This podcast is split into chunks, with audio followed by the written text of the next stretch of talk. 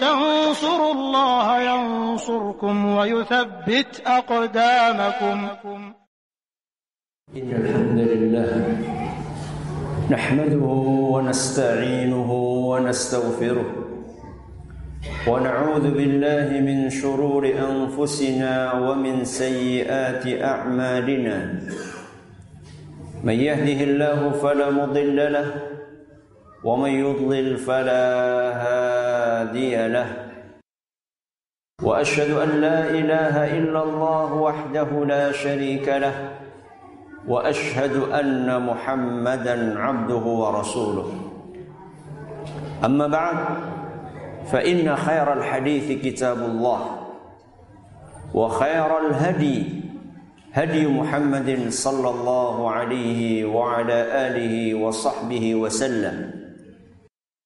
Syarul umuri wa bid'atin Jumat rahimakumullah. Marilah kita tingkatkan ketakwaan kita kepada Allah Subhanahu wa taala. Dengan ketakwaan yang sebenar-benarnya yaitu dengan mengamalkan apa yang diperintahkan oleh Allah Subhanahu wa taala dan oleh Rasulnya sallallahu alaihi wa ala alihi wa sahbihi wasallam serta menjauhi apa yang dilarang oleh Allah Subhanahu wa taala dan oleh Rasulnya sallallahu alaihi wa ala alihi wa sahbihi wasallam. Jamaah Jumat yang semoga senantiasa dimuliakan Allah. Belakangan ini ramai diperbincangkan tentang muncul dan menyebarnya suatu penyakit yang meresahkan dan menakutkan yaitu yang diistilahkan dengan virus corona. Kewajiban seorang muslim dalam setiap keadaan termasuk tatkala muncul suatu kejadian dan musibah adalah bertakwa dan berpegang teguh dengan petunjuk Allah dan Rasulnya Sallallahu Alaihi Wasallam. Ketika berbicara dan berdiskusi guna menanggulangi suatu masalah, hendaknya dibangun di atas asas yang syar'i. Berikut ini enam poin penting terkait dengan kejadian tersebut Semoga bermanfaat. Poin yang pertama, tingkatkan tawakal kepada Allah Subhanahu wa taala. Dalam segala kondisi, seorang muslim wajib bergantung kepada Allah. Bertawakal dan berkeyakinan bahwa segala perkara di bawah kekuasaan Allah ma asaba min musibatin illa biidnillah. Tidak ada suatu musibah yang menimpa seseorang melainkan dengan izin Allah. Wa man yu'min billahi yahdi qalbah. Barang siapa yang beriman kepada Allah, niscaya Allah akan memberikan petunjuk kepada hatinya.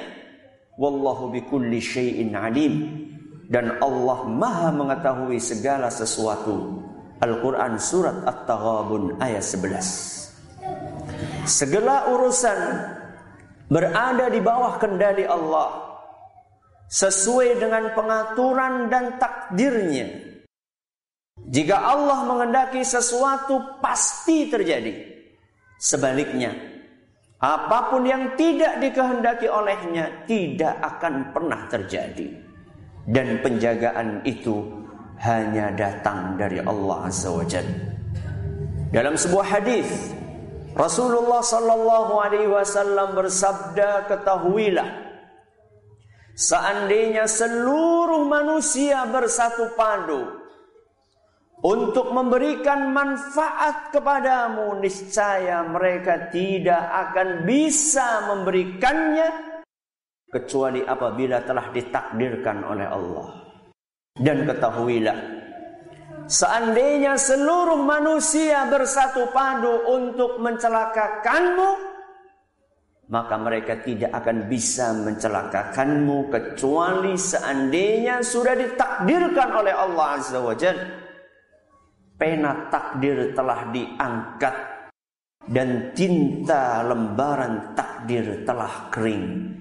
Hadis riwayat Tirmidzi dan dinyatakan hasan sahih oleh beliau. Maka sepantasnya seorang muslim menyerahkan segala urusannya kepada Allah dengan cara berharap, bersandar, bertawakal dan tidak mencari kesembuhan, keselamatan ataupun kesehatan kecuali hanya dari Allah Subhanahu wa taala. Itulah poin yang pertama, meningkatkan tawakal kepada Allah. Adapun poin yang kedua, jalankan perintah, jauhi larangan wajib bagi setiap muslim untuk menjaga hak-hak Allah Subhanahu wa taala. Yakni dengan mengerjakan ketaatan, menjalankan perintah dan menjauhi larangan. Sebagaimana yang telah diwasiatkan oleh Nabi kita Muhammad sallallahu alaihi wasallam, jagalah Allah, niscaya Allah akan menjagamu. Jagalah Allah, niscaya engkau akan menjumpai pertolongan Allah ada di hadapanmu. Hadis riwayat Tirmizi dan beliau mengatakan hadis ini hasan sahih. Menjalankan perintah agama, menjauhi larangannya merupakan sebab keselamatan dan penjagaan Allah di dunia dan di akhirat. Seandainya kita sudah menjalankan perintah Allah. Sudah menjauhi larangannya tapi tetap tertimpa musibah. Maka hal itu akan semakin mengangkat tinggi derajat seorang hamba di sisi Allah sebagaimana yang telah disabdakan oleh Nabi kita Muhammad sallallahu alaihi wasallam sungguh menakjubkan kehidupan seorang mukmin apa pun kondisinya pasti baik. Manakala dia mendapatkan karunia dari Allah, maka dia bersyukur dan itu baik untuknya. Sebaliknya manakala dia ditimpa musibah, dia bersabar dan itu pun juga baik untuknya. Hadis riwayat Muslim. Yang ketiga, berikhtiar dan berusaha. Syariat Islam menganjurkan umatnya untuk berusaha dan melakukan upaya guna mengobati suatu penyakit. Dan usaha ini tidak bertolak belakang dengan sikap tawakal kita kepada Allah. Dan konsep pengobatan dalam syariat Islam bisa terbagi menjadi dua. Yang pertama adalah upaya pencegahan sebelum terjadinya penyakit tersebut. Dan yang kedua adalah upaya penyembuhan pasca dideritanya penyakit tersebut. Dan kedua konsep itu dianjurkan dalam syariat Islam. Kitab Imam Ibnul Qayyim yang berjudul At-Tibbun Nabawi memuat banyak paparan tentang hal tersebut. Kita akan bawakan contohnya. Kita akan bawakan contoh tentang konsep pencegahan dalam agama kita. Contohnya sabda Nabi Wasallam dalam hadis yang diriwayatkan oleh Imam Bukhari dan Muslim. Beliau bersabda, barang siapa yang di pagi hari dia sarapan dengan tujuh butir kurma ajwa, maka pada hari itu dia tidak akan celaka Entah karena sihir, entah karena racun. Hadis riwayat Bukhari dan Muslim. Itu namanya pencegahan. Contoh yang lain, sabda Nabi Shallallahu seorang hamba yang di pagi dan petangnya dia rutin untuk membaca Bismillahilladzi la yadurru ma'asmihi syai'un fil ardi wala fis sama'i wa huwa samiul alim. Tiga kali. Setiap pagi tiga kali setiap sore tiga kali. Maka pasti tidak ada sesuatu apa pun yang bisa mencelakainya. Hadis riwayat Tirmidzi dan beliau mengatakan hasan sahih gharib. Contoh yang lain. Pencegahan disampaikan oleh Nabi sallallahu alaihi wasallam bacalah Al-Ikhlas, Al-Falaq dan An-Nas. Tiga kali di pagi dan tiga kali di sore. Niscaya hal itu akan menjagamu dari segala sesuatu. Hadis riwayat Tirmidzi dan beliau mengatakan hasan sahih gharib. Itu contoh bahwa di dalam agama kita ada penanganan sebelum terjadinya sesuatu. Adapun konsep penyembuhan pasca terjadinya penyakit banyak juga disebutkan dalam hadis Nabi sallallahu alaihi wasallam. Dalam kesempatan yang singkat ini tidak mungkin kita untuk ulas semuanya. Akan tetapi konsep tersebut banyak dipaparkan dalam kitab yang ditulis oleh Imam Ibnul Qayyim rahimahullah yaitu kitab Zadul Ma'ad. Jamaah Jumat yang dirahmati Allah, Poin yang keempat, jangan hanyut dengan hoax yang bertebaran di mana-mana. Seorang muslim seharusnya tidak gampang hanyut dan terpengaruh dengan kabar-kabar dusta. Karena sebagian orang dalam situasi seperti ini mudah sekali untuk menyebarkan berita yang belum tentu jelas kebenarannya share, share. Sehingga berakibat munculnya keresahan dan kekhawatiran yang tidak beralasan. Maka tepislah hal tersebut dengan kesempurnaan iman, keyakinan dan tawakal kepada Allah Subhanahu wa taala. Yang kelima, bersabar. Musibah dan petaka yang menimpa seorang muslim Entah itu mengenai fisiknya, atau mengenai keluarganya, atau anaknya, atau hartanya, atau bisnisnya, atau yang semisalnya. Apabila musibah itu diterima dengan hati yang lapang, dengan kesabaran, dengan harapan pahala dari Allah, niscaya akan meninggikan derajat di sisi Allah Subhanahu wa taala. Allah Subhanahu wa taala berfirman, "Walanabluwannakum wa naqsim minal amwali wal anfusi wath thamarat wa basyiris sabirin." Allah berfirman, "Kami sungguh pasti akan memberikan cobaan kepadamu dengan sedikit ketakutan, sedikit kelaparan, sedikit kekurangan harta, jiwa dan buah-buahan, berilah kabar gembira kepada orang-orang yang mau bersabar. Alladzina idza asabathum musibatun qalu inna lillahi wa inna ilaihi raji'un. Yaitu orang-orang yang ketika ditimpa musibah dia mengucapkan inna lillahi wa inna ilaihi raji'un. Ulaika alaihim salawatum min rabbihim wa rahmah wa ulaika humul muhtadun.